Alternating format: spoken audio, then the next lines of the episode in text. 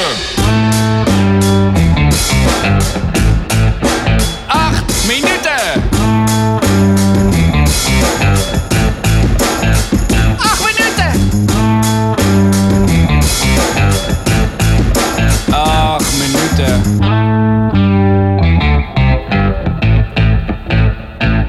Hey hallo en welkom iedereen bij weer een nieuwe aflevering van 8 minuten met de podcast van de website 8minuten.com waar je alles terug kan vinden over stand-up comedy in Nederland. Oké, het is eh, half negen eh, s s'avonds en eh, ik voel me op zich nog wel vrij energiek.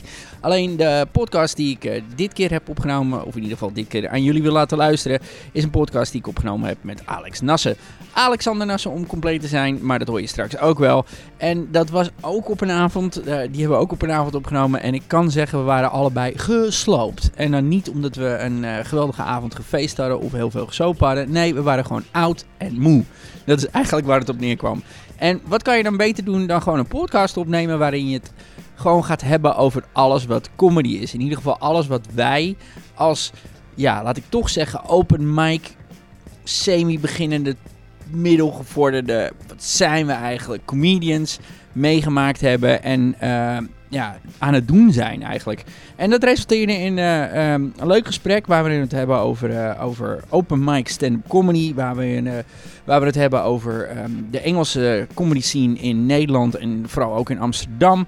Ehm, en gewoon onze on- ja, delen van ervaringen. Mocht je interesse hebben in stand-up comedy, mocht je interesse hebben in open mic stand-up comedy en de ervaringen daarin, dan zou ik zeggen blijf luisteren naar mijn gesprek met Alexander Nassen.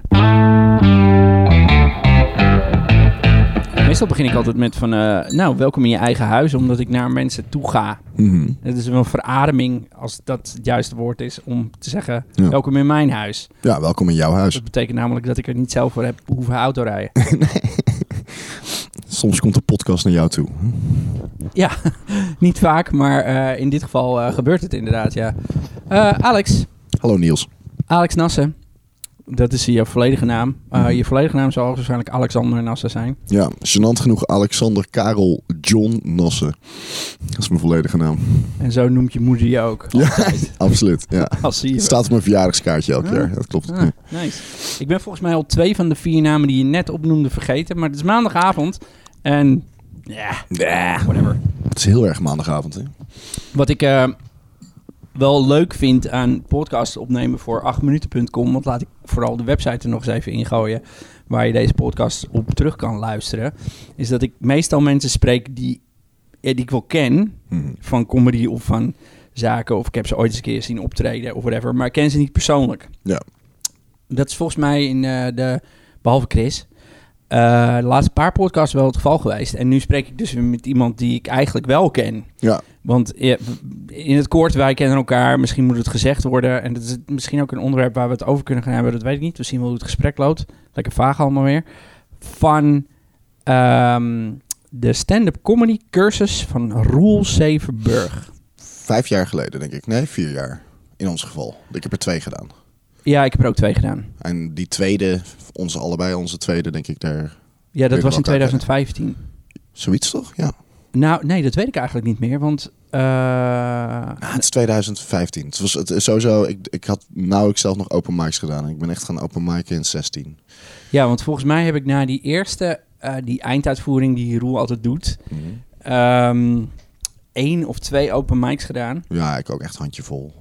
En toen kwam eh Roel eigenlijk al gelijk met van eh, zijn gevorderde cursus, wat eigenlijk niks anders was dan een excuus om bier te drinken. Ja, want het was een excuus om gewoon met een aantal mensen die ik uit die eerste cursus kende, eh, gewoon rete gezellig samen te komen. Elke worden was het dinsdag of zo. Het was wel erg gezellig Ja, en het was zo gezellig dat van de hele groep, want er zaten nog een aantal mensen die, die zijn, een, ondanks dat hele aardige mensen zijn, het noemen niet waard, die zijn niet doorgegaan met comedy. Ja. Ehm, behalve René, René Snijder doet nog comedy volgens mij. Ja, eh, Ja. incidenteel. En eh, René kwam nog vaak met nieuw materiaal aan. Maar als we heel eerlijk zijn naar de hele groep toe, eigenlijk was het Tim van het Hul de enige die gewoon elke week productief met acht nieuwe minuten opkwam. Tim van het Hul, die Acht inderdaad... goede minuten ook. Ja, exact. Ja. Van ja, nee jongens, ik, eh, ik heb dit. En nou gaan we allemaal aandachtig even luisteren naar Tim's materiaal. Heel andere shit dan dat hij nu... Ja, op een bepaalde manier heel anders. Tenminste, ik weet nog dat hij aankwam met een heel bit over Paul McCartney. Over Paul McCartney op je huwelijk uitnodigen. Nou, dat is natuurlijk altijd hilarisch als je andermans materiaal Ja, probeert ja. te vertellen. Super. Maar het eh, tikkeltje absurdistisch en zo. En echt vet. Ik weet nog echt dat ik... eh, de- toen mocht ik Tim ook al meteen. Ik, Dat, eh, ik heb het idee dat een aantal van ons, waaronder Tim, erg beïnvloed waren door Louis C.K. Zeker, ja. Eh, en dat is... Ja, zoals, zoals alle iets wat chronisch vermoeide mannen van rond de 40. zijn wij Louis C.K. blanke, Die hoodies dragen. Ja, Ja, inderdaad. Ja, zijn wij fan van Louis C.K. Kan wel kloppen. En Dat, dat is trouwens ook iets wat ik me afvroeg laatst. Want eh, het is natuurlijk in die hele, voor mij in ieder geval... Terwijl dat niet is waar ik vandaan kom als het gaat om mijn enthousiasme voor stand-up comedy. Hmm. Ehm, wel in een golf van Louis C.K. specials. Oh my god. En ehm, kom op. Hilarious. Hilarious inderdaad. eh, kwam waarbij een hele hoop mensen... Maar ja, elk jaar is er dus schijnbaar een nieuwe school van Roel Zevenburgers. Ehm, Twee keer per jaar zelfs, denk ik, volgens mij. Oh, dat als, kan als ik me niet vergis hoor. Maar ja. Klopt, ja. Maar dat, dat, dat in... Zo voel ik het, in ons geval, zeg maar... er een hele eh, spoeling mensen eh, voorbij kwam... die vanwege Louis C.K. eh, Ja. specials eh, zelf dachten van... Oh, maar dit En- kan ik ook. En eh, de, de grap is, ik denk dat dat gewoon echt gewoon inherent is aan mensen die comedy willen gaan doen. Die zijn, vinden iets heel erg vet. Waarschijnlijk hetzelfde als je muziek maakt of zo. Want bijvoorbeeld nu heb je Easy Loves in de Engelstalige scene, waar ik nu voornamelijk in rondhang. En Easy Loves is ook een workshop bedrijf, of hoe je het ook moet noemen. Ja, En die doen maar ze doen ook improv. doen ook improv, maar ook stand-up. En dus je hebt stel je zo'n zo'n stand-up klasje, dat is dan klaar, die doen een uitvoering. En daar hoor je de name, eh, ik ga het verkeerd uitspreken, dit is hoe oud ik dus nu al ben, maar James Acaster, zeg ik dat goed? Ja, James Acaster, zeker, ja. Ja, ik, ik, ik heb niet superveel van hem gezien, maar die gast is nu helemaal waar iedereen zich aan spiegelt en zo. Oh, echt? Ja. Ik vind hem... Ik vind Onder, onder de mannen in ieder geval. De vrouwen het natuurlijk met mosterd weer ergens anders vandaan vaak. Ja, snap ik. Begrijp ik. Hm.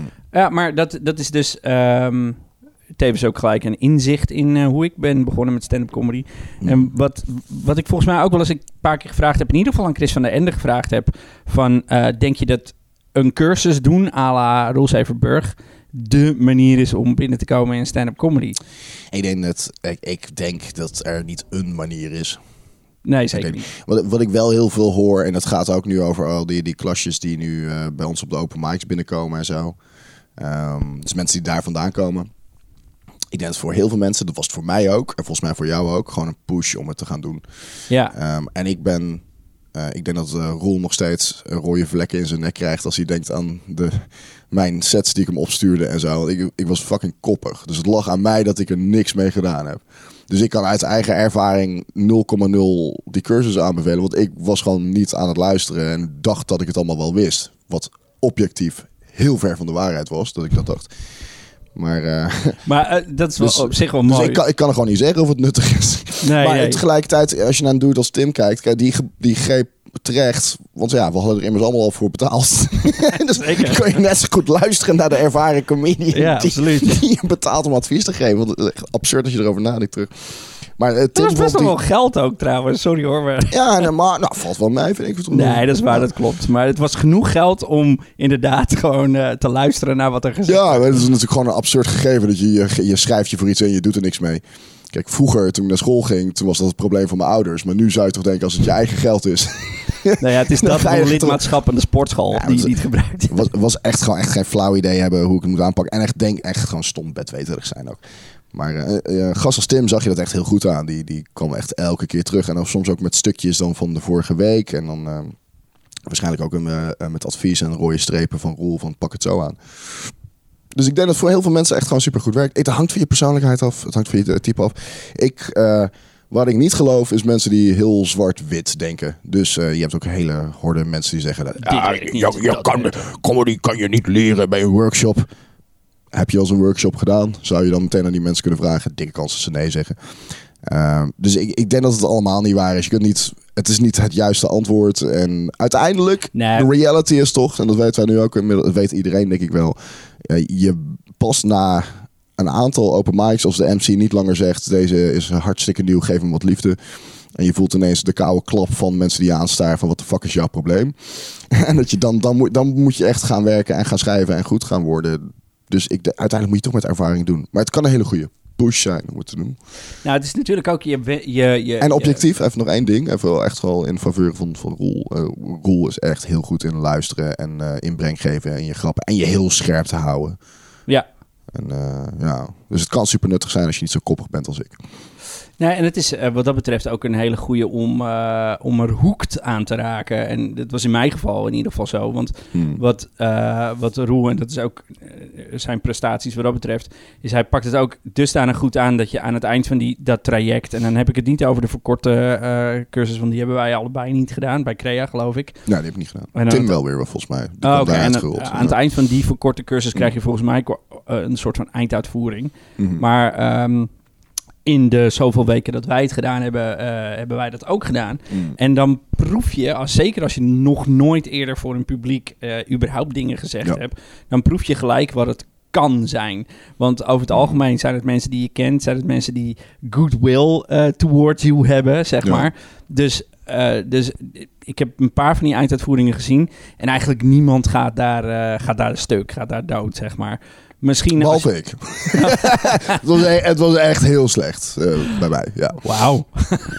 ja maar kwam Ik dat- wou heel romantisch zeggen van Nou, ja, nee, nou. omdat het dan zo goed gaat dat je dan denkt van, Het, oh, enige, het enige wat, wat ik eruit haalde was van het, het gevoel van op een podium staan en zo. Maar omdat ik al zei, van, ik had gewoon al die weken gewoon niet opgelet. Gewoon niks gedaan. En natuurlijk, uit, low and behold, op het laatste minuut ook nog een keer dacht ik... ik ga mijn hele set herschrijven, want ik ben een komisch genie. Dat is natuurlijk nergens op gebaseerd. En het was gewoon volkomen ruk. Maar ik weet alle mensen om mij heen eh, bij die einduitvoering, die gingen dat lekker. Ja, klopt. Omdat ze wat deden. Zegt, eh, ik snap niet waar het verschil in zit precies. maar zij Maar- waren heel goed. was je nerveus die, die, die avond trouwens? Ja, en eh, dat, die ad- adrenaline kick, maar dat zal iedereen die ooit alles maar één keer comedy heeft gedaan eh, wel herkennen. Die adrenaline kick is echt gigantisch. Echt eh, bijna moeten kotsen van tevoren van de zenuwen. En je staat elkaar, dat, dat zet de rol ook gewoon echt goed neer. Je, je bent met z'n allen in een backstage. Zeker. Geen idee hebbende dat je jaren verwijderd bent van een echte backstage. Ja, plaats van- of misschien nooit. In plaats van naast het toilet staan en die deur steeds in je nek krijgen, omdat daar dan de comedians gezeteld zijn. Dat is het dartboard. in de English pub in Hoorn. maar en naast het dartboard in de. Maar ehm, en de fotoplay. Maar nee, dat, ja, dat sfeertje is wel vet. Je zit elkaar een beetje op te fokken en zo. En dan eh, loop je van het podium af en er is een gigantische release. En wat ook bijna, had jij dat ook? Dat je echt gewoon eh, niet meer weet wat je gedaan hebt? Dat je gewoon echt gewoon geen idee hebt? Je weet Ik nog weet geen eens meer hoe het was eh, uh, backstage toen ik toen klaar was. Dat, zo, dat- zo door de zenuwen. ik weet alleen dat wij dat we naderhand gingen met z'n allen nog wat drinken in. want had jij het ook in theater Amsterdam of theaterschool Amsterdam? Ja, dat ding bij Edel. Ja, Ja, bij Edel. West. En we gingen ja. met z'n allen nog wat drinken bij Edel. Ja. En toen had ik het idee van, oh hey, jullie zijn er ook, gezellig. En eh, oh, we gaan een biertje drinken. Eh. En want alles wat daarvoor gebeurde. Ik weet wel nog dat ophypen, zogenaamd backstage. En dat iedereen bloed nerveus was. En ik weet ook dat ik nog nooit zo nerveus geweest ben. Hmm. Maar alles wat daarna gebeurde, eh, is een waas. Ja, en dat, is- dat is vet. Dat is, dat is een enorme kick. En ik denk dat daarom mensen ook zeggen dat comedy verslavend is. Dat komt waarschijnlijk door die eerste paar keer. Dat je echt dat je zo'n dreun adrenaline en, en rush krijgt. Maar dat, dat is niet alleen een... Dat is niet alleen gaaf, maar het is aan de andere kant... en, en misschien tekent dat ons als personen... Hmm. eh, eh, dat daarna krijg je dat niet meer terug. krijg je dat voorlopig, eh, voorlopig nee. niet Nou, meer terug. Ja, dat hangt misschien ook weer een beetje van de persoon af. Ik, ik, ik denk je... ehm, jij en ik hebben best wel een rommelige start gehad, denk ik, met hoe we zijn gaan begonnen. En ik ga zeker, laat ik mezelf nog veel meer als voorbeeld nemen. Ik denk zeker de eerste twee jaar of zo bleef ik even koppig. En was het het belachelijke bakkeruis waar ik me nu echt kapot voor schaam.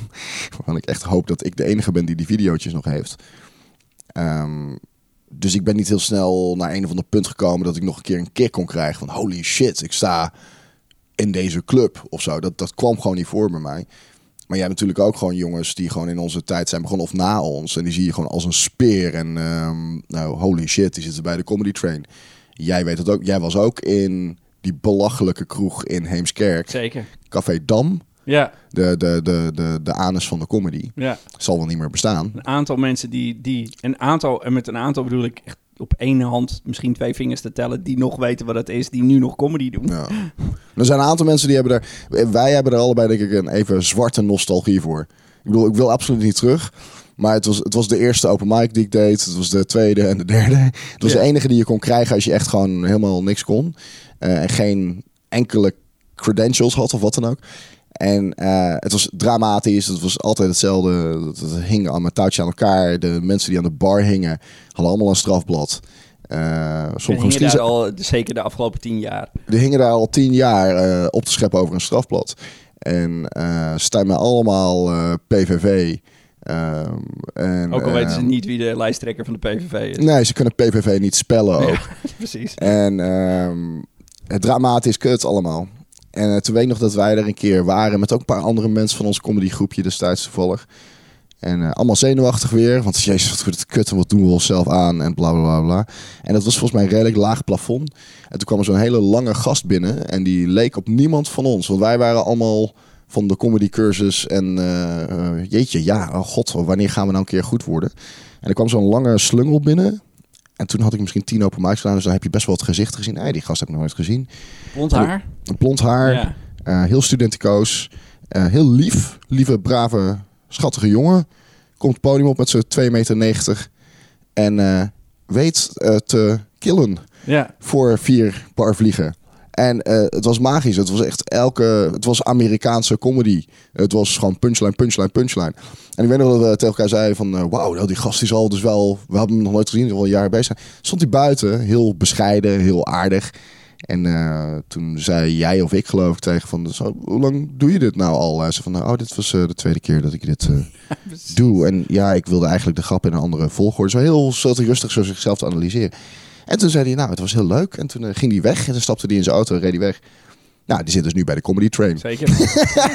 David Linsen. Die heeft volgens mij Echt, eens auditie hoeven doen. Man, Daarvan man, zei- man. Bij de Comedy Train zeiden ze van... Ja, jij, Ja. kom maar. Ja, En, jij eh, doet nu mee. Maar ja, die, die dude heeft natuurlijk een hele andere ervaring gehad. Eh, Dat is een leuke gast. Maar trouwens, misschien. die, Met- rust, met- die rust, en Da- David zou het misschien kunnen beamen als hij dit terugluistert, luistert, was Ritalin volgens mij. Dus, Ritalin bij. bij Bij- David. Oh, dat, dat zou zomaar kunnen. Ja, nee, maar heeft hij eens eh, eh, verteld. Maar ook gewoon, gewoon een hyperintelligente gast en zo. Oh, Echt- ongelooflijk. Echt, echt ongelooflijke komische En ook met talent. een doel, hè? want volgens mij was dat net zoals eh, Jorn van Dam bijvoorbeeld. Ja, Dat, dat waren mensen met een, met een heel specifiek doel. ja. En dat, dat is wel, zeg maar, je oog op de bal houden en uiteindelijk gewoon eh, je doel bereiken. En niet te veel luisteren naar onzekere stemmetjes, maar gewoon een nieuwe grap schrijven. En niet Ja. te veel bezig zijn met uh, Alle- die vindt me aardig, die vindt me niet aardig. Nee, gewoon grappen Alles schrijven. omheen, ja, precies. Ja. En, ehm, Maar oké, eh, even terug, laten we... maar eh, zo- voordat we- zo- zo'n zo'n gast als Linse, dat, eh, dat bedoel ik allemaal, eh, die zal waarschijnlijk een heel ander verhaal hebben over een rush en wanneer je die rush weer hebt. Want die is natuurlijk in veel grotere eh zeven mijl stappen naar iets moois toe gegaan. Daar is hij misschien ook helemaal niet mee bezig geweest. eh. Nee, nee, nee, nee. Dus ja, het is gewoon voor iedereen een heel ander pad waarschijnlijk. Ja, ja dat, dat geloof ik. Maar voor jou is het een pad. Want oké, maar dit is dus een beetje waar ik eh, op, me op vreemd terrein eh, begeef. Omdat ik, ik ken jou, dus ik weet ook een Mm. beetje eh, wat jouw achtergrond is. En jouw achtergrond bedoel ik nu even de locatie in Nederland waar je vandaan komt. Namelijk Mm. Hulst. Het, Ja, eh, ja. ja. Hulst op zich is al een punchline, hoorde je dat? ja. Heel, eh, het is een belachelijk woord ook. heel mooi. Hulst. Eh, en eh, uiteindelijk, eh, via omweg, ben je uiteindelijk in Amsterdam beland. En Mm. besloot je een keer stand-up comedy te doen. Maar ik Ja. kan me voorstellen dat, dat- want dat, dat is bij een hoop mensen die ik gesproken heb. Mhm. En ik weet niet zozeer, want ik bedoel, ik heb dan eh, een aantal mensen gesproken die eh, wat ouder zijn dan dat ik ben en dat jij bent uiteraard. Maar die hebben bijvoorbeeld eh, Eddie Murphy als Raw als eerste echte stand-up ervaring tot Denk- zich gekregen. Als het echt om stand-up gaat, is voor mij hetzelfde, denk ik. Ja. Ja, oké. En, en- maar, Ja. eh, eh, zoals ik eh, ook al eerder gezegd heb, van, dat is nou niet iets als eh, blanke jongeman in, je, in je tiende jaren waarvan je denkt van, ah, maar ik heb mijn, mijn doel gevonden en dat is wat ik wil. Nee, want maar als kind wilde ik wel komiek worden. Dus tijdens wat je dan de weekendviering noemde, ik heb geen idee. Is dat normaal? Normaal hebben, ze, hebben alle mensen dat al kinderen gehad ik op weet niet school? wat het is, eerlijk gezegd. Nee, nou, wij hadden dat op school en dan was dat op vrijdagmiddag en dan mocht iedereen een kunstje doen. Oh. Dus iemand kon een gedichtje lezen en iemand Ja, kon dan playbacken eindelijk- met Too Unlimited, weet je wel. Nou ja, precies. Dat hebben wij ook gehad. Ja, klopt. En, uh, eh, het anders geloof ik. Maar ja. En ik deed dan grappige stukjes. En, en echt hebben we als een klein kind, vijf, zes of zo. Ehm, dus André van Duin. En eh, ik vond eh, veel te jong voor mijn leeftijd Joep van het Hek qua- taalgebruik heel erg leuk en zo. Sarcastische shit. En ehm, dat- was altijd zo heel, heel diep van binnen van ja, dit lijkt me gaaf.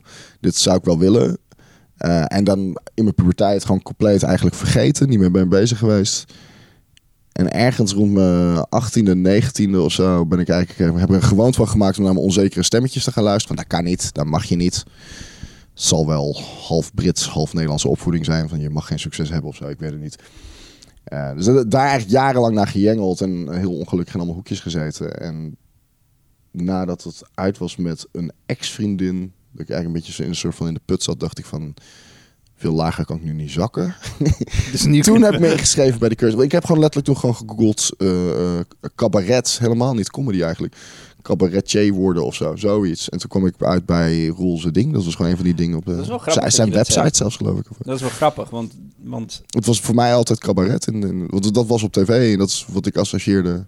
Ja, oké, maar dat, dat is... Dat is eh, ik, ik merk dat ik te veel terugval op eh, die eh, verschillen tussen cabaret en stand-up comedy. maar dat komt omdat ik ik... niet belachelijk veel uit, vind ik zelf.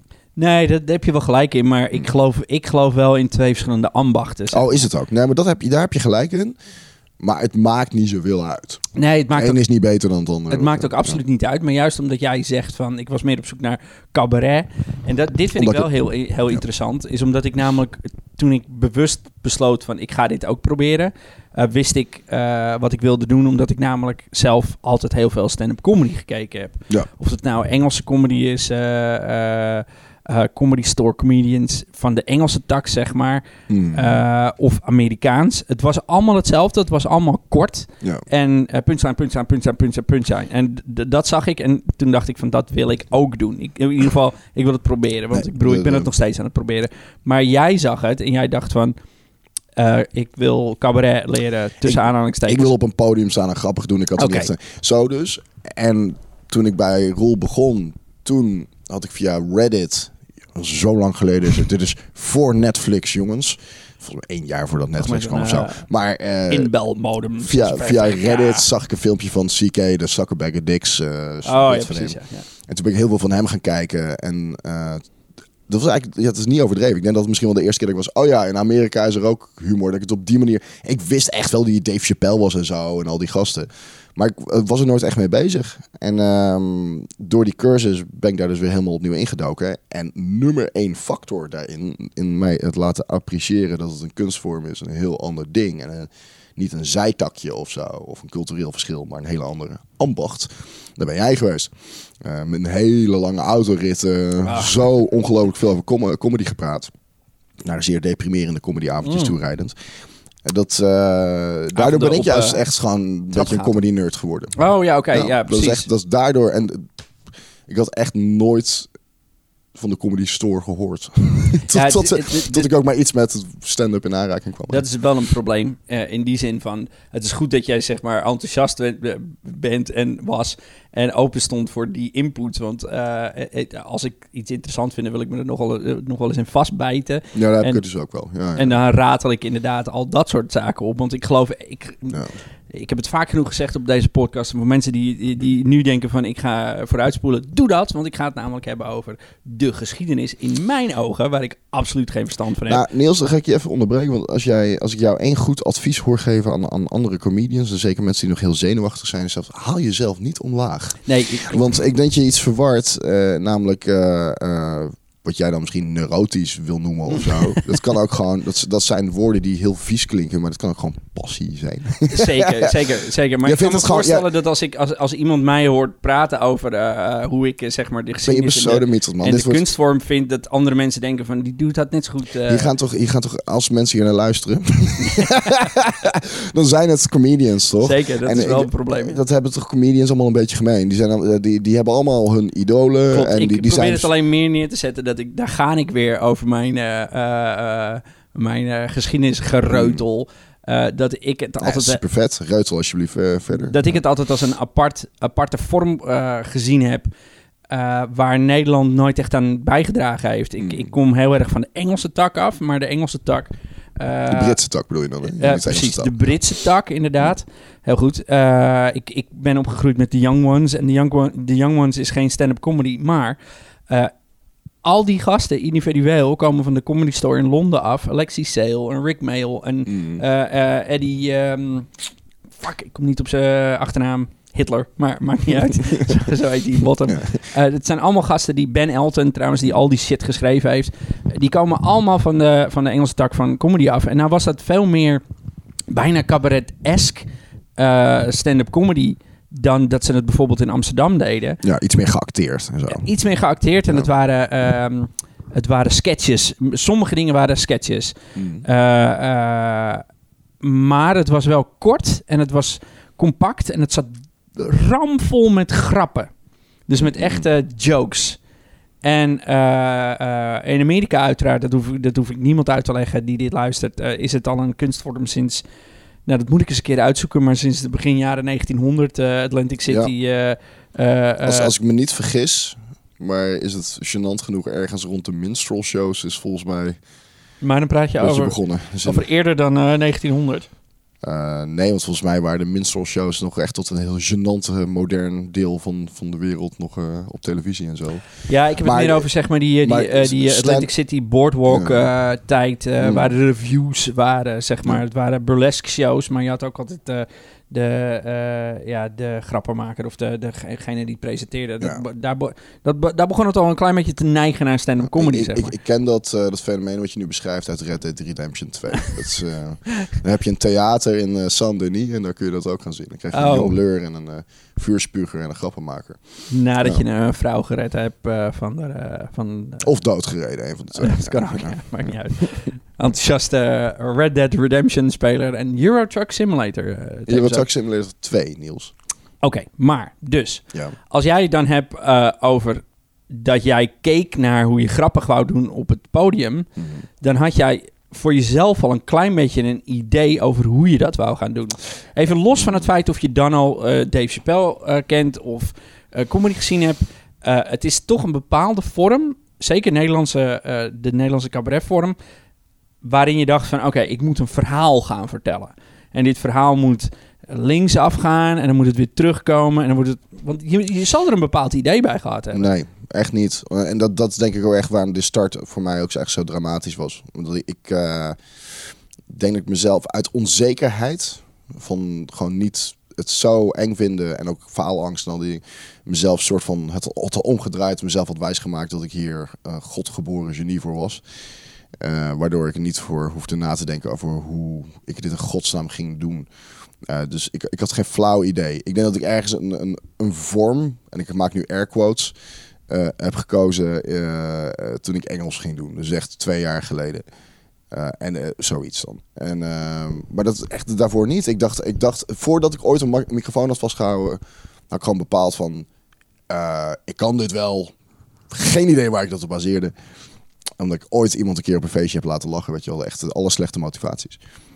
Dus nee, ik had er helemaal geen idee van. Ik maar dacht, je, je, ik dacht je met mijn godgegeven talent als atheïst... Ga ik, uh, gaat dit geweldig worden als ik een microfoon vasthoud. Dat is natuurlijk achteraf gezien... en voor heel veel mensen voor de buitenwereld vooraf gezien...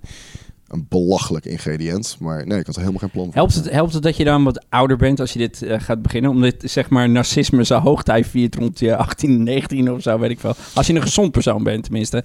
Ja, ja, ja, ja en tegen de... mijn tegenstelling was dat dus uh, eind 20. Okay.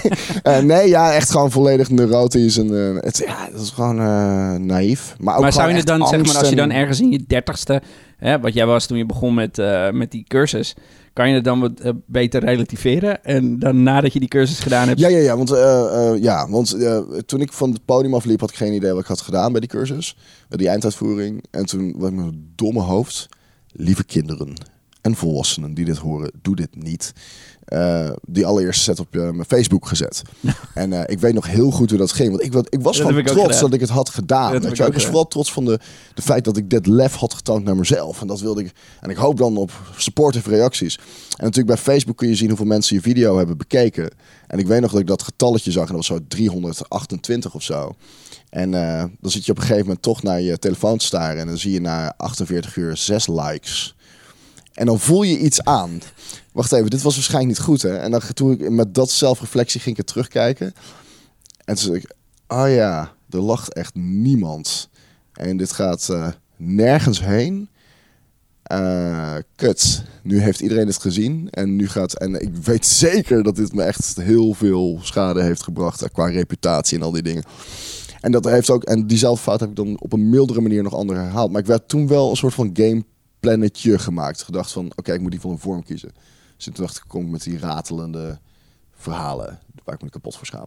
Ja, ik kreeg, ik kreeg Maar, heel veel... ja. Maar in ieder geval, Wat, knap, wat, wat, wat eh, dapper van je. Ja, Dat oeh, ja, auw. Ja. Ja.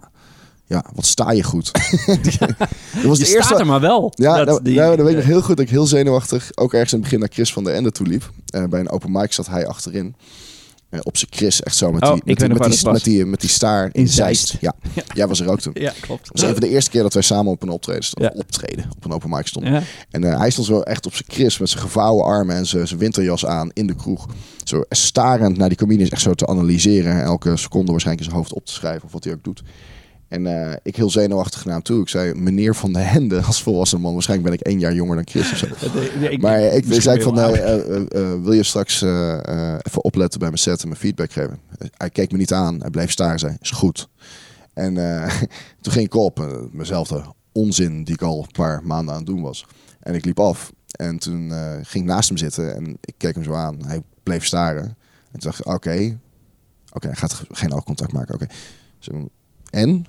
En toen zei hij, je staat goed, je praat goed. en dat was het. en ik weet nog heel goed, dat was, dat was echt zo'n harde put-down. is ook natuurlijk in Chris van der Ende termen ook een compliment.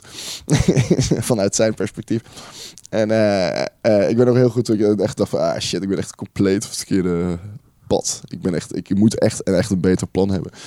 Maar eh, ja, dat, dat zijn hele duidelijke complimenten van ja, dat, dit zou ik nooit durven. En Maar achteraf gezien... Hetzelfde als comedians die over andere comedians zeggen... dat is een hele aardige gast, Oh. een hele aardige chick. En in plaats van, die is grappig. Dan voel je ook aan van, oké, die vinden ze kut.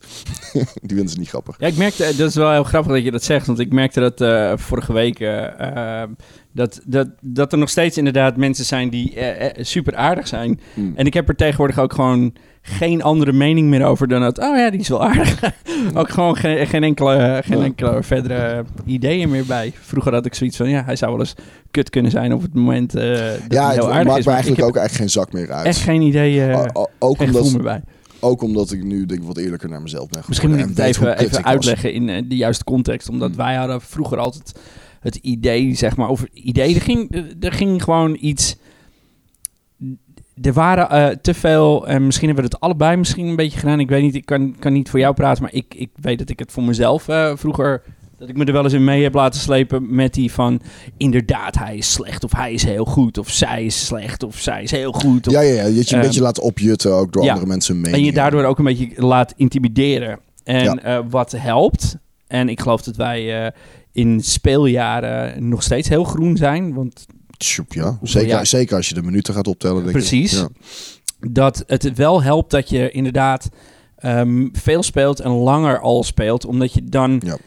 op een gegeven moment, zeker als je daar, eh, daar een beetje ehm, vatbaar voor bent, op een gegeven moment ga je het gewoon laten gaan. Ja, ook omdat je steeds beter een beeld krijgt van waar je staat. Ja, want op een gegeven moment, de eerste fase van comedy, en dat is wel iets wat ik denk dat heel universeel is, want dat hoor ik heel veel van andere mensen ook, is dat je eerste misschien 50 tot 100 spots of zo, ben je nog bezig met niet eh zeggen en ehm, niet meer totaal terrified zijn. Niet vier keer naar de wc lopen, dat is dan de eerste tien keer of zo.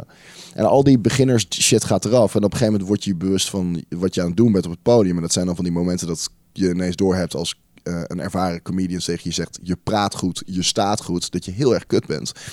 Eh, dat je ineens weet waar je staat. En dan weet je ook waar je naartoe moet werken. En dan ga je ineens appreciëren dat het niet intimiderend is... dat pick a name, fucking goede comedian, eh, weet ik veel, Wilco Terwijn de boel staat te slopen en dat jij haha hoorde na zeven minuten. Eh, dat is dan niet meer intimiderend. Dan besef je ineens van ja, dit is gewoon, dit is gewoon het verschil. Die man is gewoon fucking lang bezig. eh, heeft alle soorten podia gezien. En die gebruikt die ervaring en zijn talent om daar te komen. En ik sta eigenlijk nog steeds bezig bezig met van... Kut, heb ik wel mijn veters goed gestrikt voordat ik het podium op ga? En je bent zoekende en je bent... eh, Ja, en op het moment dat je uit die fase bent, dan weet je ineens van... Oké, ik ben eigenlijk nog steeds bij nul. Eh, maar ik weet nu dat er nu gewoon tijd is om te gaan bouwen. En dan maakt het geen zak meer uit dat voor mij en voor jou, weet ik in ieder geval allebei, en voor heel veel mensen, eh, dat die gast eh, een fucking held is. Dat ga je dan eigenlijk alleen maar vet vinden. Want dan kun je, daar, kun je dat bewonderen. En dat die andere een beetje ja, op een raar pad bezig is. En dat rare pad, wat ik zeg, ik zat ook op een heel raar pad, creatief, super lang. Dus nergens doodlopend pad. Dus dat vind ik dan ook. Ik heb er ook geen neerbuigende oordeel meer over. Ik heb van ja, dat- ik snap, Nee, ik snap helemaal wat hij heeft uiteindelijk doet iedereen het op zijn eigen manier. En eh, eh, iedereen komt uiteindelijk waar die, die- hij of zij eh, hoort te komen. Of belandt uiteindelijk. Ja, en, uiteindelijk, eh, uiteindelijk gezegd, ja. ja. hey, maar eh, er is wel een keerpunt voor jou geweest. Omdat ehm, eh, na al die jaren, of die paar jaar Nederlands, eh, Nederlandse comedy... Mhm. heb je dat toch eigenlijk wel... eh, volgens mij heb je een tijdje gewoon helemaal niks meer gedaan. Ja, ik ben echt. Ik heb twee keer ben ik gestopt. Ja. Ja. Gewoon, ik ga nooit meer comedy doen. Net zoals roken. Eh, nee, daar ben ik wel echt wel honderd keer mee gestopt. Ja. Nee, maar echt gestopt in dus inderdaad. Ehm, en het keerpunt was eh, de eerste keer Engels, eh, Engels Ah, dan eh, was jij optreden. weer. Ja. Dan was jij weer. Ja. Ja. nee, ja. Ja, dat is gewoon waar. En nee, eh, ehm, ik had geen flauw idee dat dat, dat, dat dat er was. Dat er open mics voor. voor ik weet heel eerlijk gezegd ook niet meer hoe ik eraan kwam. Want ik weet dat ik het... was. Je had iets eh, van Ken Parsons gedaan, toch? Niet? Ja, maar ehm, ik, ik kwam er op een gegeven moment achter dat Ken die open mics deed. Of, het, Hmm. of comedyavonden deed. En ik weet dat je erop kon inschrijven. Maar ik weet ook echt niet meer hoe. Mm. Eh, Facebook, hoogstwaarschijnlijk. Ja. Uh, Ja. Maar eh, dat zou dan de eerste keer zijn dat ik eh, eh, comedy in het Engels zou doen. Daar Mm. was ik heel nerveus voor. Bijna net zo nerveus eigenlijk weer als, eh, als, die, eh, als dat optreden eh, bij Roel. Mhm. Uh, maar toen kwam er toevallig iets tussendoor. Uh, in Amsterdam hebben ze een tijdje, of een tijdje, een paar avonden in karakter. Mm. Uh, Amsterdam West, uh, uh, bij de Bilderdijkstraat. Uh, look it up. Het is tegenwoordig karaoke bar. Maakt niet uit. Top. Uh, ja, echt superleuk. Um, hadden ze een Engelse avond en daar heb ik toen op gereageerd. En ik kon er ineens tussen. Uh, dus dat werd toen mijn eerste Engelse uh, optreden. Wacht, dat avondje weet ik nog. Dat is een hele langwerpige bar, toch? Of niet? Ja, ja, ja klopt. ja, Ja, ik weet wat je bedoelt. Ja. ja. ja. En dat We zijn was een keer samen geweest, volgens mij. Ja, ja, klopt. Inderdaad. En dat, dat, dat was van... Um, God, nou, sorry. Ik kom niet meer op die naam. Ik associeer het met Dario. Nee, het is... Uh, um, Caroline, Caro, oh, Caro... Caro Dest. Caro Dest, inderdaad. Ja, ja precies, ja. ja. Sorry. Ja. Uh, dat, dat, is echt een leuke giet. Dat heb ik nooit meer gezien. Nee, ik heb er nog een paar keer gezien op uh, open mics. Mm. Maar uh, volgens mij doet zij voornamelijk zang. Ze was eigenlijk niet zo ambitieus om comedy te doen. Nou, volgens mij gebruikten ze het meer om, uh, om een soort van one-man show okay. te gaan doen en daar uh, grappen in te verwerken. Ja, ik vond haar wel grappig. Super talentvolle chick trouwens, echt. Ja. Uh, ja. Maar ik kwam niet meer op de naam, uh, dus ja. Uh, maar karakter was waar jij dan een beetje dan achter kwam van, oh, je kunt ook Engelse spots doen. Ja, nou, dat was de, dat was de eerste keer. En toen dacht ik van, hé, hey, Frek, dit kan. Hmm. Want het, was, het, ging niet, uh, het ging niet verschrikkelijk, zeg maar. Dus dan, Ja. dan, heb je toch, dan blijf je toch dat idee houden van dit kan. En volgens mij had jij toen al zoiets van... oh, dit ga ik ook een keer proberen. Want dit is makkelijk, dit kan ik nee, gewoon een keer proberen. Nee, jij hebt mij er echt van overtuigd. Ik weet nog heel goed hoe het ging. Oh, Ja, het ging over... uh, er zijn twee momenten dat wij langdurig over comedy praten. Eén is in de auto onderweg. En uh, uh, wat jij dan neurotisch noemt is fucking interessant. Dus dan over hoe, hoe bepaalde comedians werken en uh, bepaalde punchlines. En de andere gesprekken is als wij godverdomme weer tegen elkaar moeten zeggen van... zei ik niet zo, ga nou gewoon het podium op. Dat is waar. Dus, ja. ik, ik geloof dat zeg maar, de buitenwereld, zeg maar, mensen die zichzelf beschouwen als een normaal mens, dat vriendschap noemen. Dus dat heb ik ja. gehoord. Heb ik gehoord dat zij dat zo bestempelen. Ja, ik, ik, ik herken ja. bepaalde aspecten daarvan. Dat klopt, ja. In The Sims heet dat vriendschap. Oh, dus je, dat ja, is, die expansion kun je dan kopen. Kunnen we dan ook uh, gewoon tien keer met ons hoofd tegen elkaar aanstoten? ja, dan gaat dat groene dingetje wordt dan steeds groener boven Ah, goed zo. Ja. Maar uh, nee, jij hebt bij mij daar gewoon een beetje uit die put gesleept. Want ik, ik, um, ja, ik vond het gewoon allemaal kut. Ik vond, vond mezelf kut. Ik vond comedy doen daardoor kut. En um, jij overtuigt me ervan van uh, dit is eigenlijk anders, dit is leuk en uh, probeer het voor de grap is. En uh, volgens mij had jij zoiets gezegd van probeer gewoon eens kijken hoe het voelt. En toen zijn we naar Antwerpen gereden. Oh, naar ja, dat de klopt. helaas nu ter ziele gegaan eh Lebowski's. Zeker helaas. Super leuke club, heel Ja, jammer. Absoluut. Van Bram van der Velde en eh, consorten. Ja. Ehm, en die hadden daar een Engelse open mic. En eh, geen voorbereiding gedaan, want koppig en ook neurotisch en al die dingen. En vlak voordat ik opging, dacht ik, oh ja, nu moet ik nu wel, nu moet ik, shit, ik moet nu Engels gaan praten. En eh, toen ging ik maar in steenkolen Engels met Nederlandse grammatica, mijn Nederlandse set in het Engels zeggen. Eh, en dat voelde super leuk om dat te doen. En eh, dat is gelukkig niet gefilmd en dat was waarschijnlijk niet heel goed. Maar daardoor dacht ik van, oh ja, het is eigenlijk wel heel vet om op een open mic te staan. Dat is toch wel een hele... En toen werd het dus misschien toch wel een hele vette hobby. En toen ben ik ietsje pietsie weer gaan spelen. En vlak daarna begon die achtelijke comedy-explosie die je nu hebt in Engelse open mics in Amsterdam. Zeker, ja. Dus eigenlijk kwam dat, dat momentje dat jij me daarin sleepte gewoon perfecte moment. Want daar, door al die spots die ik na kon doen, ehm, kwam ik erachter van, oké, je kunt eigenlijk gewoon helemaal opnieuw beginnen.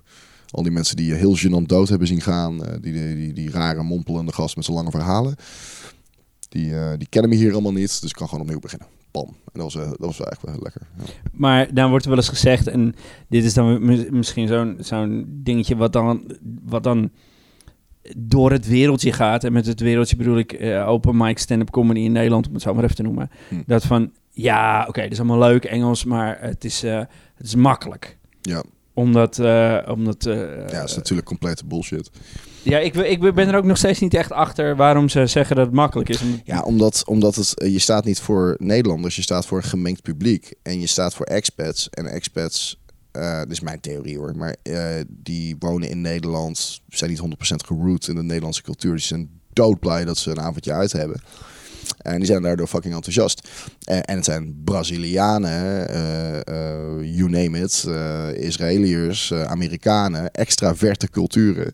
En die lachen en die vallen uit hun stoel en die, rollen uit hun stoel.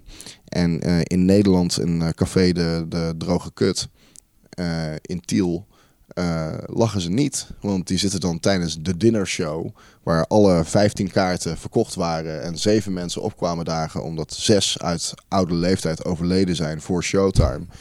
Eh, die zitten aan hun, eh, aan hun carbonaatje, aan Ja. hun carbonaatje te knauwen, terwijl jij naar een punchline toe werkt. En ehm, die lachen gewoon minder hard. En ook in een theater en ook in een club. En het is gewoon de realiteit dat je gewoon knijter goed moet zijn in de Nederlandse zalen om gewoon bij het hoogste niveau te horen. En dat niveau heb je of heb je niet. Ik heb het niet. Dat is gewoon objectief gewoon het geval. Als je gewoon mij op een line-up zet Oh tussen, ja, nee. tussen tien knallers van comedians, dan, dan ben ik gewoon de minste. Eh, zet je me op een Engelse line-up, dan krijg ik best wel wat lach.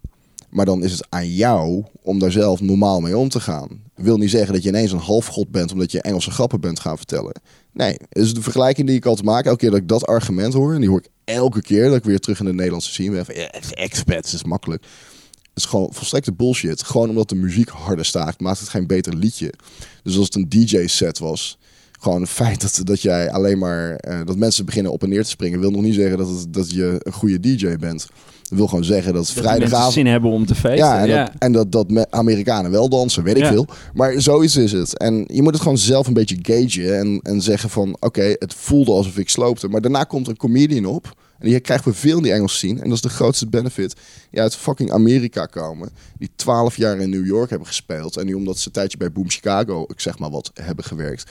eh, vijf minuutjes op zo'n eh, leuke, krakkemikkige open mic in Amsterdam komen. En jij dacht dat je sloopte. Nou, die gast komt dan op. En dan eh, wordt het volume dus nog even 24 keer harder. Die komt de fun- fundering wegzagen. Nou, zagen, is is het- dat is- ja. Precies hetzelfde als in de Nederlandse scene, maar het is gewoon luider. En eh, ik vind het gewoon zo, ja, het is gewoon typisch. Het is gewoon Ja, een soort kijk, van... ik bedoel, het argument is misschien ook Het- inderdaad... ik denk dat het mensen dat zeggen om zichzelf beter over zichzelf te laten voelen. Van, eh, oh, dat kan iedereen. Nee, niet iedereen kan het. Nee, want dan gaan mensen keihard dood in de Engelse scene. En dan gaan mensen die krijgen hardere lachen dan in de Nederlandse scene. Maar als je een echte, echte pro ziet, die naar mijn smaak, een buitenlandse pro, beter is dan welke Nederlandstalige comedian tot aan het topniveau in Nederland aan toe op een kuttig open maatje komt, dan hoor je het verschil tussen jou killen, dat je dacht dat het was, en echte reactie.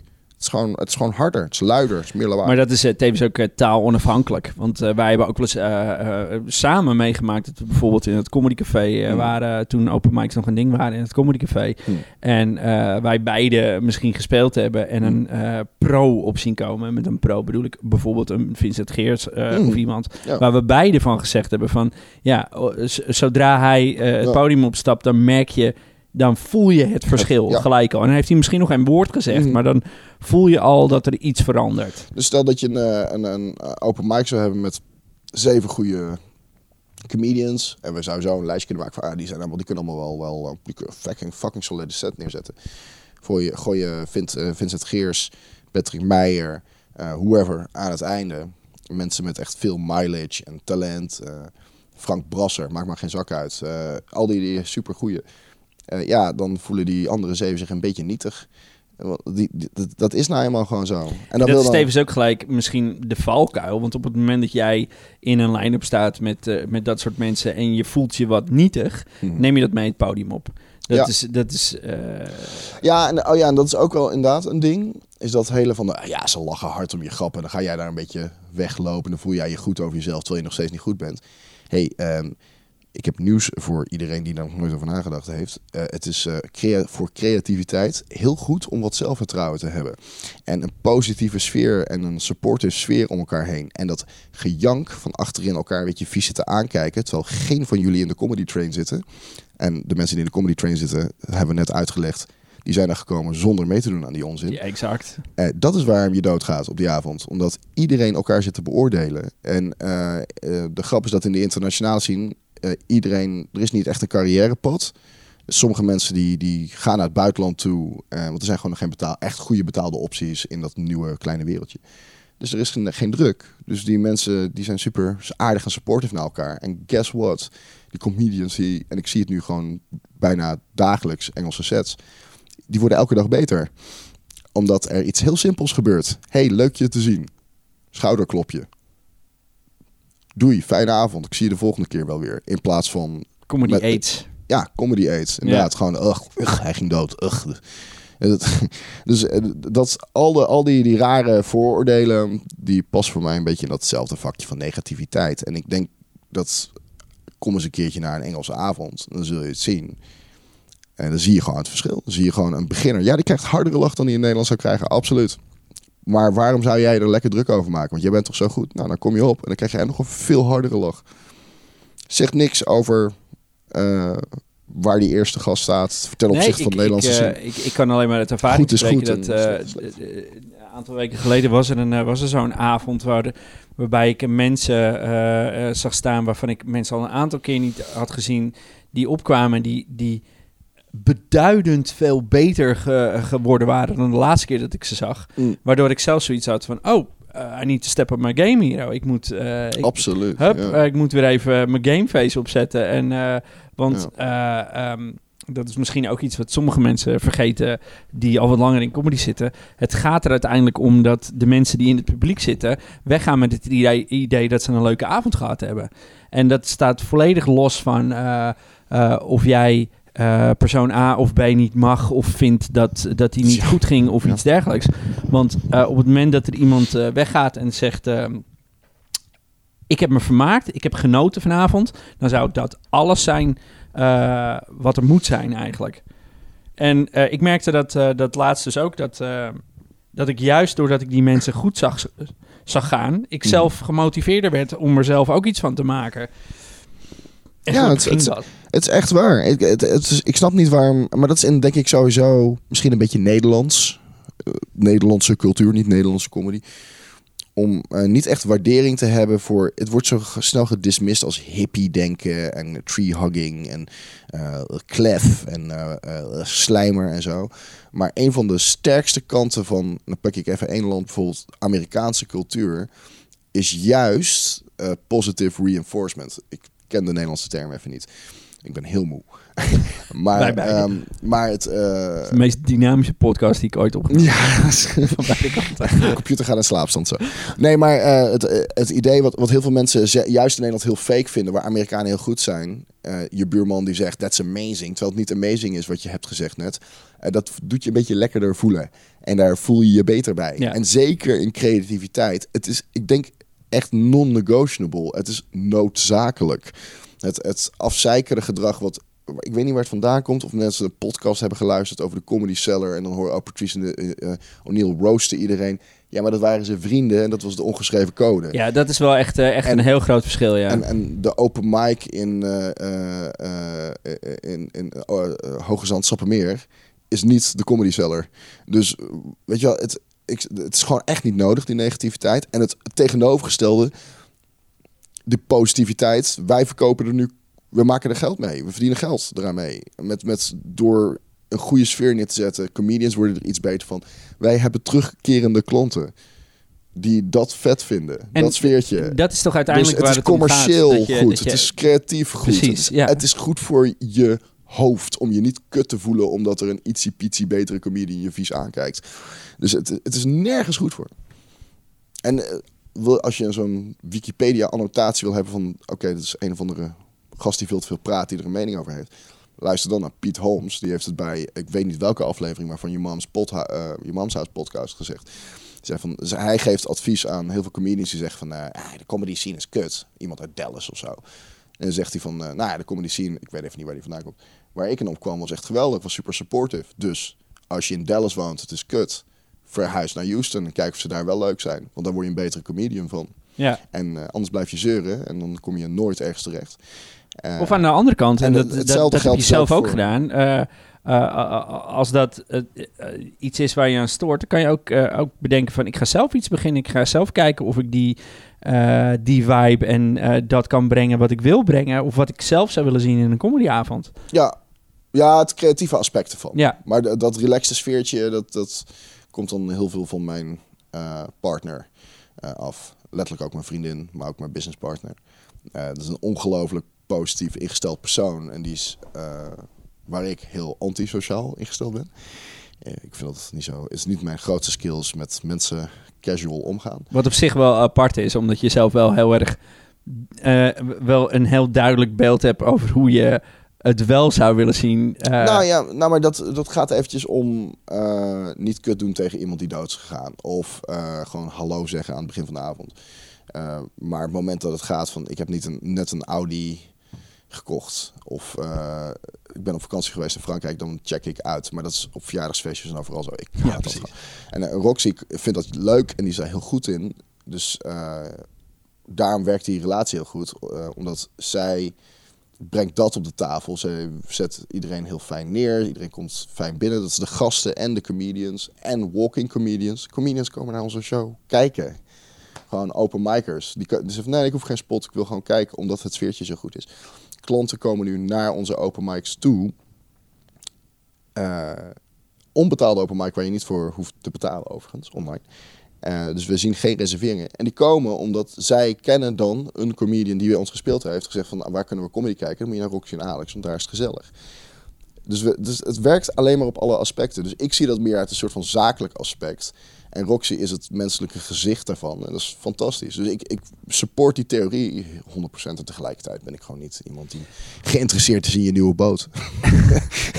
dat is gewoon zo.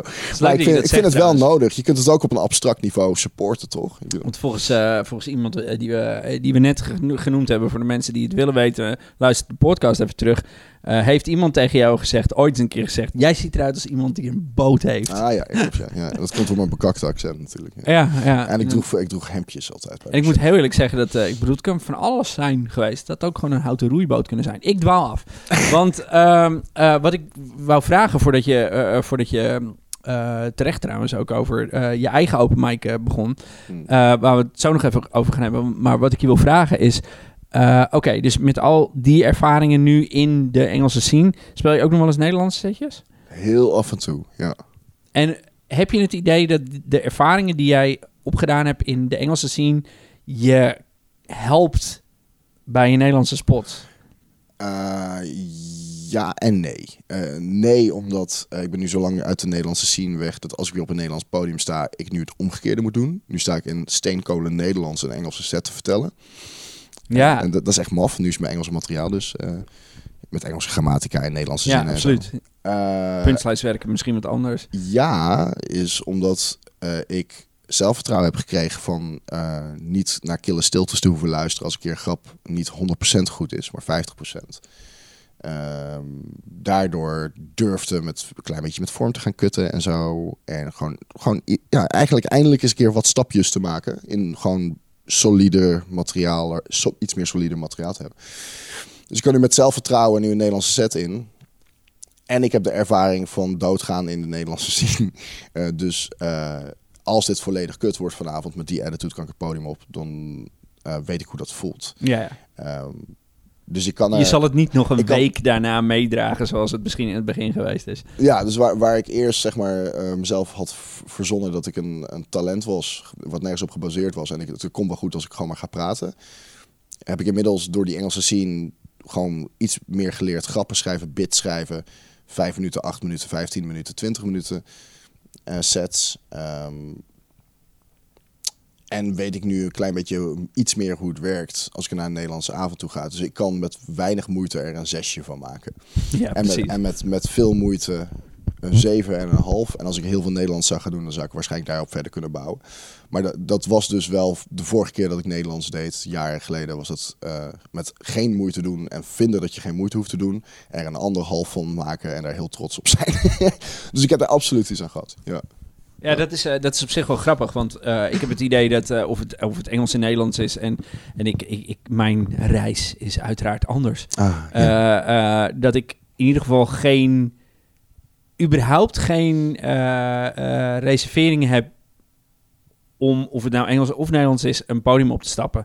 Omdat het nu meer zoiets is van, oké, het, kan, het kan kut zijn, het kan het kut worden. ja, En en je weet hoe het is als het kut is. Dus, Precies, ja, en dat heb ik namelijk bij Nederlandse avonden, nog steeds. Mhm. Maar eh, ik weet dat het niet de, de end-all of iets is, weet je wel. Ja, Het het is niet- zegt, het zegt niet per se iets over hoe ver je bent en wat je skillset is en zo als je een keertje doodgaat.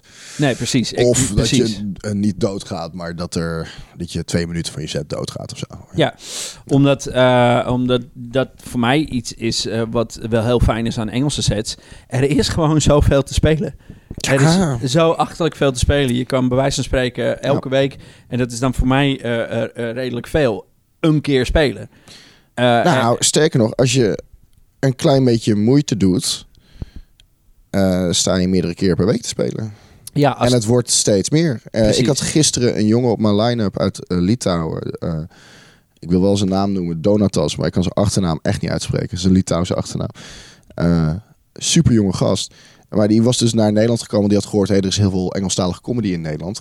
Dat vind ik dus vet. ja, Dus dat is heel echt vet, ja. Nederland als een soort van comedy-stad. Al die kleine steden bij elkaar. begint echt wel een beetje een ding te worden nu. Eh, door de grotere comedians die hier komen, die dat dan zien. En die zeggen dat dan tegen opperkammers. Eh, die stond bij ons op zondag en zaterdag drie keer in Den Haag. In Kijk, het Engels. Die stond er één keer om eh zes uur. Die stond er één keer om acht uur. Eentje keer bij, één keer bij Egan. één keer bij ehm, Mina van Nassau in Comedy City. En s s'avonds laat in een superleuke open mic trouwens van Taco IJzenbrug. Eh, in de Sherlock Holmes pub. Als je zegt de Sherlock Holmes pub, wordt niemand enthousiast. Geloof me, dat is echt een hele leuke open mic met superleuk publiek. Maar dat, die doet dus triple spots. Dat kan dus gewoon. ja, Probeer het maar eens te doen in het Nederlands. dan Dat is, die- die zijn Litouwen en dan heb je toch het idee dat je... En de, daar, daar, daar voel ik meteen nu dat ik dit zeg, want dat counterargument krijg je heel snel van. Ja, het is leuk dat je dat doet. Het is een leuke hobby die je hebt met je drie spots. Maar waar is je carrièrepad? En dan denk ik weer van, Jezus, hoe klein kan je denken? Dit, nou, dit speelt zich af in je eigen hoofd nu, hè? Maar je hebt wel nee, gelijk. nee, want, nee, mensen zeggen dit tegen mij. Als ik dit tegen ze zeg, als ik Ja, probeer, als van, hey, kom eens een keer naar de Engelse scene. Maar dan tegelijkertijd, denk nou eens wat groter. Want wat doet een roodcomic in Amerika? Die rijdt 12 uur van staat naar staat voor twee gigs. Voor 50 dollar. Hoe groot is Europa? Hoeveel steden zijn er wel niet? Vraag maar aan meerdere comedians in, in Nederland die wel eens naar het buitenland gaan. Hoeveel steden zijn er niet waar je betaald kan optreden? Die zijn er best wel wat. Dus denk dan gewoon groter. Je kan hier wel je carrièrepad van maken. En nee, je gaat niet met je Engelse talige set kameretten winnen. Maar I'm sorry to say, er gaat maar één persoon kameretten winnen. Dus ik weet niet op, eh, waar je per se je, je geld op wil inleggen. Oké, maar de- nou, nou, nou, snijd Dus- je, dus nou snijd je een punt aan wat, wat op zich eh, eh, wel heel interessant is. Omdat als je het gaat praten, gaat praten over carrièrepad, dan is het, en hier heb ik het vaker over gehad, ook met Hmm. Chris van der Ende bijvoorbeeld. Er zijn een aantal comedians in Nederland, Nederlandse stand-up comedians, Mhm. die, eh, en dit, dit noem ik onerbiedig, eh, naar mijn idee een beetje broodcomedians zijn. In de zin van ze kunnen hun eh beroep ervan maken. Ze kunnen Ja. hun rekeningen betalen met wat ze doen en dat is comedy. Ja. Het, zal, het zal absoluut geen vetpot zijn, maar ze zijn bezig. Ja, super En- vet. Ja. Door die, eh, ehm, door die ervaringen die ze hebben, kunnen ze andere dingen boeken. Bijvoorbeeld een schrijfklusje Mhm. eh, of een, eh, een crowdwork eh, setje. Ik geloof dat Wouter Monde publieksopwarming doet voor de eh, Zondag bij Lubach. En al dat soort zaken. En daarmee een pri- prima steady inkomen kunnen hebben. Maar dat, dat, is, dat is aan een heel klein groep mensen gegund. Want het is een klein land. Exact. Dus je hebt een tiental mensen, misschien een nou, twintigtal mensen, vind ik al veel worden, die dat kunnen. Ja. Of, je, of je moet echt ondernemersgeest hebben en een comedyclub beginnen of zo. Zoiets. Zeker. Maar, ja, ja, precies. En die zijn er ook. En Maar dan Eh. moet, je, moet je talent voor hebben. Dat is echt weer een hele andere skillset. absoluut, want dat je moet je betekent dat, geld een, kunnen managen. Moet je dat een deel van jouw creativiteit te creativiteit kunnen bestellen. En dat soort- Zeker, ja. dat een deel van die creativiteit opgaat in het managen van bijvoorbeeld een club en niet in het schrijven van je Ja. materiaal. Hmm. En eh, de scene, en nou moet ik wel zeggen dat we zitten wat dichter bij het vuur, dus het lijkt misschien eh, eh, groter en explosiever dan dat het in werkelijkheid voor een buitenstaander misschien is. Hmm. Maar de scene in Amsterdam, voornamelijk Amsterdam en daarbuiten Wageningen, Den Haag, Rotterdam, ehm, qua Engels sprekende comedy is up and coming. En met up and coming bedoel ik van exponentieel. Ja. Precies. echt- het is niet iets wat er nooit geweest is, want het is er al jaren. Alleen eh, er komen nu een aantal spelers, waaronder jijzelf. Wat heel veel comedians eh, In die- in, in dat in die- wereldje, want het is een soort van lichting van comedians die zijn ingestapt of begonnen zijn met comedy. En dat is een groep, ik denk een soort van kerngroep van 20 man of zo. eh, die er ook echt heel bewust mee zijn, zijn dat het een scene is. Ehm, het is echt een soort, het is, e- dat is een aparte lichting. En dat is niet omdat het niks te danken heeft aan eh, de Parsons en, en Carly Baker en Joe Egan en eh, eh, mannen en vrouwen die fucking hard hebben gewerkt aan infrastructuur. Maar, maar het, is gewoon, het is gewoon een ander wereldje. Het is, het is gewoon een nieuw schooljaar. Zo moet je het gewoon zien. Ja, plus er, zi- En- er zitten en- jonge mensen in. en die- jonge mensen die, die weten hoe ze met social media om moeten gaan. Die weten hoe ze, hoe ze eh, een soort van de tijdsgeest kunnen pakken. Mhm. eh, waardoor ze mensen bereiken. eh, en dat op een, op een Ja, en ook gewoon heel simpel fucking enthousiast zijn. ja, gewoon, zeker. Gewoon, ja. gewoon heel vet vinden om een comedyavond op te zetten. En niet iedereen hoeft er geld aan te verdienen. Er zijn dus genoeg mensen die voor hun eigen stand-up klasje, dat gebeurt nu heel veel. En, Oeh, sommige mensen zijn bang, want nu gaat de comedybubbel barsten. Sure. Maar al die comedyklasjes, het is niet overdreven. Elke week, elke week krijg ik wel weer een screenshot van een nieuwe avond in Amsterdam. Oeh, de comedybubbel gaat barsten, mensen. Wel nee, dat zijn ooms en tantes van diezelfde comedyklas die daarheen gaan. En die gasten hebben een extra spotje daardoor. En die hebben weer één extra mile. En jij weet ook net zo goed als ik, en ik denk heel veel mensen die luisteren, als je echt net, net, net begonnen bent, dan denk je echt nog in, dit is mijn tiende spot. Dus dan is een tweede spot heel veel. Het is fucking beautiful. Eh, het is super mooi. Het betekent dat eh, eh, eh, nieuwe comedians. En het is ook alle leeftijden. Het is ook veel meer man-vrouw gelijk. Het is een super gave groep nu die er steeds bij komt. Die krijgen super veel kans om te ontwikkelen. En het gezeur, Piet, wat het counterargument is van ja, eh, eh, eh, maar dan kom je nooit bij de comedy train of je gaat nergens heen. Of, prima, blijf dan weg. Ehm, maar als je erbij komt en je stelt je voor open, dan ga je iets zien wat ik in de vier jaar daarvoor nooit heb gezien. En ik heb, ik heb maar vier jaar ervaring van de 25 jaar stand-up.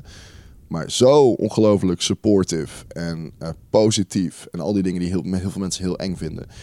En de groei van sommige comedians, hoe snel dat gaat door die infrastructuur en de gunfactor van iedereen, van super ervaren persoon tot brand newbie en al die dingen, eh, is echt vet. Dat is ongekend. Plus, en dat is, Super vet. eh, eh, dat is een beetje het punt wat ik probeer te maken, als er al een punt is, eh, dat je met die ervaring, met die Engelse comedy kracht die je dan hebt, Mm. eh, overal in Europa terecht kan. ja, En als je zelfs, eh, zelfs verder gaat dan dat, dan kan je overal ter wereld terecht Mhm. met die skill. Zo, je, hebt, je hebt in die, die Engelse scene, je hangt er ook best wel wat in rond. Eh, je kunt gewoon zien dat met sommige mensen echt super hard gaat. Dus je ziet bijvoorbeeld gewoon een aantal comedians waren redelijk goed twee jaar geleden. En die zijn nu eh, op het punt van comedians waar wij vroeger bang van waren als op de line-up stonden zo goed.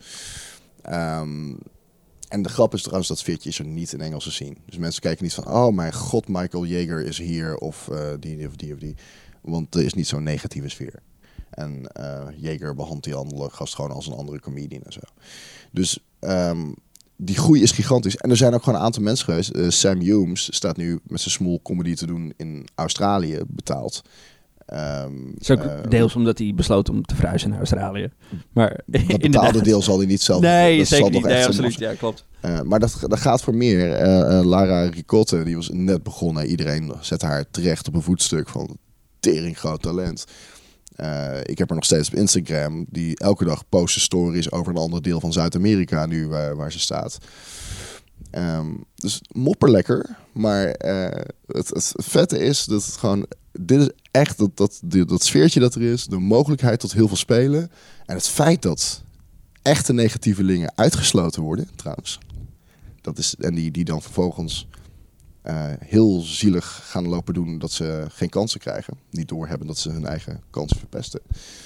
Eh, dat is gewoon super productief. En iedereen heeft er wat aan. En, en best of all, we beginnen nu op het punt te komen dat het zo groot wordt dat we nu eh, met z'n allen genoeg geld gaan verdienen om gewoon eh 50 euro aan iemand zijn hand te drukken na een set en zo. Dus blijf lekker, in, Iets wat in, in- eh, blijf lekker zeggen dat het nergens over gaat, die, die Engelse scene. Maar Precies, ja, eh, ja. ja.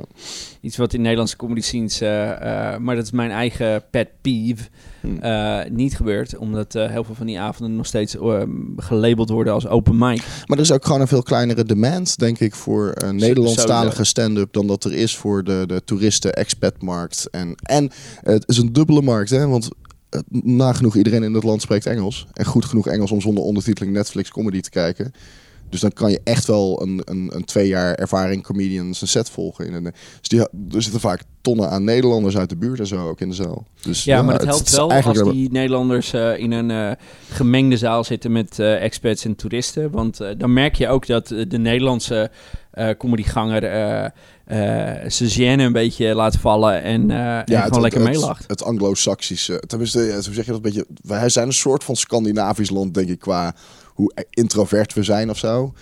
Dit zegt iemand die nog nooit in Scandinavië is geweest, trouwens. Maar ehm, Het klinkt vrij overtuigend. ja, maar je- ja, hoe leg je het uit? Ik, Nee. je, hoort het, je hoort het ook wel best wel veel van comedians die dus nu naar Amsterdam komen en op onze soort spotjes staan en zo. Van dat het Nederlands publiek best wel zwaar kan zijn. Eh, qua reactie en volume.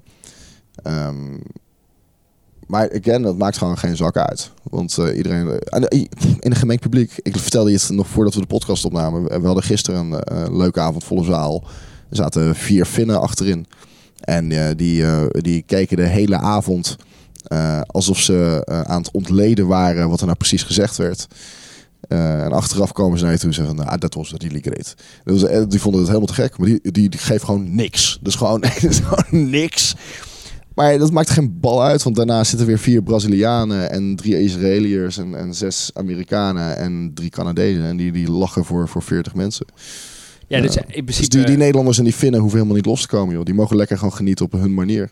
Ja, en ik blijf het nog steeds, eh, ik blijf het nog steeds een mooi gegeven vinden dat eh, op het moment dat ik eh, besluit om eens een keer naar Duitsland op vakantie te gaan of desnoods naar Portugal of naar, Kan gewoon, ja. je kan gewoon, Als je je, kan gewoon googlen open mic en, en je kan, je kan een sport, spot krijgen. Ja. Er zijn er gewoon een aantal steden die, die ik op mijn lijstje heb. Ehm, en die, die selecteer ik ook echt. En dan voor stedentrips, gewoon als excuus eigenlijk bijna om op vakantie te gaan. Ja. Ehm, en Berlijn is nummer 1, Londen is nummer 2. Alles dat is voor- voor schijnbaar, van wat ik heb gehoord, open mic level echt hartverscheurend moeilijk soms. ja, klopt ja. ja. Bringer shows en zo. Ja. Een ander cultuurtje. Eh, maar ehm, eh, Barcelona schijnt heel vet te zijn, ook voor Engelstalige comedy. Ja, en daarbij, daarbij ook, en dat is wel, wel leuk, ehm, eh, die heb jij niet opgezet, volgens mij, Roxy. Eh, English comedy spots in Oh, die groep, ja, dat is van eh, Roxy, ja. Nederland. Die Facebook eh, ehm, eh, groep waar ik steeds meer reacties van binnen zie komen van Hmm. buitenlandse comedians die vragen: Hey, ik ben dan en dan in Ja. Nederland. Heb je een spot? En dat Ja. er mensen onder reageren, waar, waaronder jij zelf van: Hey, stuur even een videootje, misschien heb ik een spot voor je. Ja. Waardoor ook mensen uit het buitenland, eh, eh, eh, Amsterdam voornamelijk, maar Nederland ook als een, een mogelijkheid zien om te spelen. En waardoor je Mhm. heel veel invloeden over heel Europa Ja. binnenkrijgt die willen spelen in Amsterdam. En we zijn, Nederland. we zijn nu echt op een keerpunt aan het komen.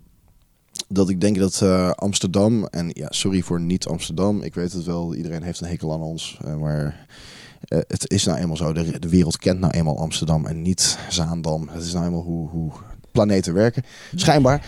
Maar ehm, Amsterdam als, als comedy-stad begint, en dat is echt, echt, dit zeg ik heel voorzichtig hoor, maar echt, is een soort van mogelijkheid dat dit het beginnetje is van dat dit erkend gaat worden als een comedy-stad. En niet alleen de plek waar de Boom Chicago is en waar Joe Egan en eh, Parsons en, En laten we niet vergeten het Comedy Café. En, en Comedy Café, en, en eh, iedereen die we nu vergeten. Maar de stad, dat is het ding. Zeker. Dat is vet. Dus eh, eh, dat, dat mensen, zoals je over Berlijn een heel gefixt idee hebt, als je er een beetje iets van weet, als een comedystad of Londen. eh, dat wij op ons, ons eigen plekje erin hebben. En daar kun je weer alles van vinden, want ik heb deze gesprekken zoveel, omdat ik zo enthousiast ben over hoe die scene zich ontwikkelt. De nummer 1 counterargument daar weer tegen is: ja, weet je hoe groot Berlijn is? Weet je hoe groot Vancouver is? Weet je hoe groot Nederland is?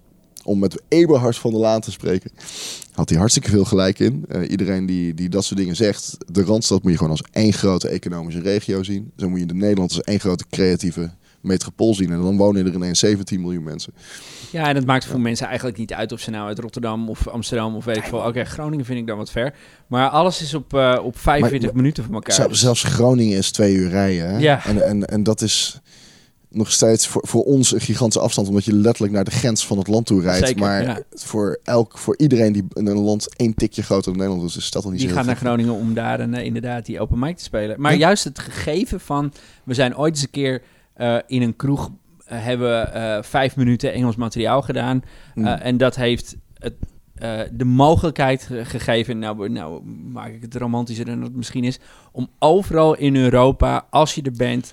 te gaan kijken van... is er een spot, zou ik er eventueel kunnen spelen? Sowieso al hobbymatig. Ja. En dat is gewoon al vet. En het maakt allemaal niet uit wat je ervan vindt. Het is gewoon tof. Je, kan, je zit met je vriendin op vakantie in Athene. En na drie dagen naar het zwembad staren. En eh, de ruzie voel je al aankomen. Dan kun je dus gewoon je smartphone pakken. En gaan en intikken in Google. Is there comedy in Athens? En dan eh, de answer is yes. Is en dan ga, comedy in Mykonos? ja, en dan ga je naar de Mykonos Comedy Club. Waarschijnlijk met een discobal en een, eh, een podium naast het toilet. En eh, iemand met een gitaar op het podium die het aan elkaar MC't. En het wordt waarschijnlijk dramatisch. Maar, maar je, je, kan, je kan het wel doen. Ja, je kan en, ehm, doen. Je kan en, het doen. en dat is tof. En als je er een beetje elbow grease in gooit en je gaat nou gewoon eens een keertje door de regels heen lezen. En dat spreekt niet uit ervaring, maar dat is uit observatie van andere comedians. En er zijn een aantal comedians eh, Als je nou eens out of the box denkt, dan kun je dus gewoon ervan leven. Door eens Zeker. gewoon hard te werken. En een paar keer gewoon volstrekt onbetaald naar die andere steden toe te gaan. En eh, te slopen. En eh, als dat goed gaat, dan zijn er financial opportunities. En dat komt nu naar Amsterdam. Dat begint nu in Amsterdam. En dat is vet. En eh, die jongen die drie keer speelt, stond dus twee keer betaald te spelen. Ja. Eh, misschien handig om even te, eh, te melden dat je nu, ik mag het een organisatie noemen, That Comedy Thing begonnen bent. En Ja. Comedy Thing, dat ben jij, Alexander Nassen en eh, Roxy JC. Mhm. Roxy GC, hoe Ja. heet zij van de achternaam? Nou, dat, dat wil ze niet zeggen. Jiménez. Roxy, iedereen eh, die dit luistert Ja. en eh, Facebook heeft, die kent haar wel. Iemand die iets met Engelstalige comedy in, in Amsterdam doet, die kent Roxy. Precies. En jullie zijn samen TCT, That Comedy Thing, begonnen. Met een wekelijkse open mic op de Jan van Galenstraat Ja. in Amsterdam. Yes. En één keer per maand? Eén keer per maand wat wij noemen een showcase. Dus eh, eh, met betaalde spots en eh, geen klopblokken op het podium. Want dat is nog wel een beetje waar de scene nu in zit. Want daar is nog vrij weinig van. Iets waar, een plek waar een open mic een keer 10 minuten kan doen in plaats van 8. Dat is al een stap. En iemand met twee jaar open mic ervaring, eens een keertje heb je al zo'n 15 minuten set gedaan. Dus echt met het doel om te ontwikkelen. En dan de comedians die er klaar voor zijn, die krijgen dan betaald. Het is ook een budgetkwestie, voordat ik dat meteen naar me toe gegooid krijg. Dus zoveel geld is er ook weer niet aan het einde van de avond. Maar, ehm, dus we hebben één showcase eh, nu per maand in Oost en eh, vier keer per week in West. Kijk. Het zijn superleuke avonden tot nu toe. Ja. Plus, als je je daarvoor wil opgeven, dan moet je even op Facebook kijken. Eh that Comedy Thing. Ja, als mensen aan de open mic willen meedoen, kunnen ze twee dingen doen. Je kan gewoon simpelweg elke donderdag. eh, moet je wel eerst even inderdaad op onze eh, Facebook kijken. Want we hebben ook nog één andere show nu op diezelfde locatie. Nog. Dat gaat veranderen binnenkort op de, op de donderdag. Eh, maar dan kun je altijd langskomen. Het zijn, we hebben gewoon walk-in spots. De eerste drie, vier, soms vijf comedians als we de ruimte hebben. Die krijgen gewoon zes minuten. En ik geloof sowieso ook wel van... als je nog nooit ergens gespeeld hebt... en je hebt de mogelijkheid om het eerst eens even te gaan kijken... doe dat dan ook vooral. Leer de Ja. mensen gewoon kennen en zeg Ja. gewoon hoi. En ze- er komt gewoon ook gewoon zien dat het echt gewoon vet kan zijn. Dat het gewoon een hele positieve eh, scene kan zijn. En dat, dat, ik ben echt niet eh, happy-go-lucky. Maar voor mij was het een openbaring. En eh, iedereen wordt er beter van. Financieel, creatief en whatever you want to call it. Ja. Hoe, je- hoe je in je vel steekt. Ja. Eh, en eh, ik, ik durf net nog genoeg cocky te zijn om te zeggen dat in de eerste eh, handvol open mics die we hebben gehad, dat dat nu echt wel een beetje rondzinkt. Dat wij dat wel voor elkaar hebben die avond. Dus er hangt gewoon echt een tof sfeertje. Dus kom gewoon een keertje kijken. En eh, eh, als je komt kijken, dan hoef je helemaal geen donatie te geven. Dus het is helemaal geen promotie. en eh, als je zin hebt... en dat is het ook ding. hè, We willen nu zo... Ik wil dit doorbouwen naar nog veel meer open mics. Ik heb er daar grote ambitie mee. Samen met Roxy is de, het geweten hierin. Die remt mij gelukkig een beetje af. Maar het liefst zou ik in elk stadsdeel een open mic hebben. Eh, tot op het punt dat je gewoon altijd weet. Dat stel je voor dat jij gisteren echt nou eventjes heel pijnlijk doodging op een heel belangrijk moment.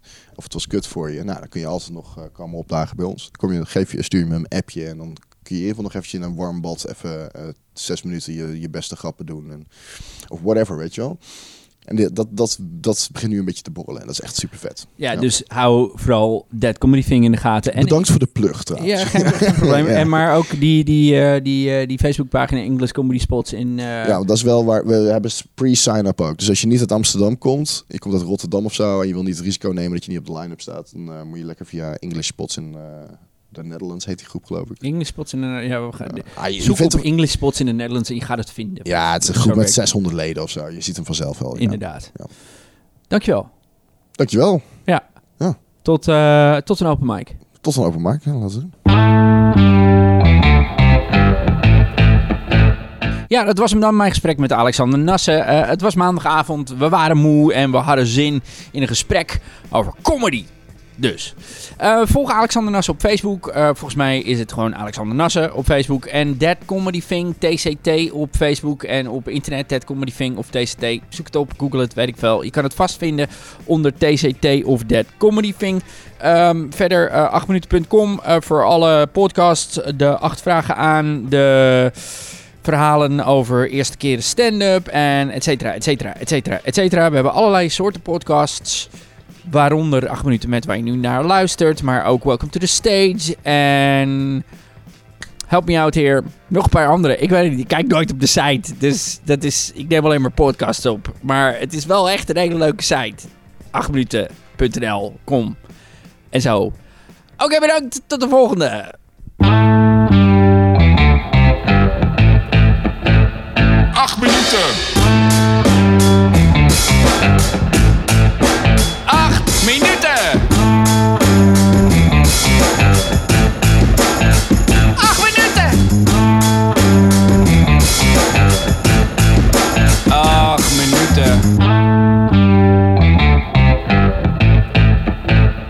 Acht minuten.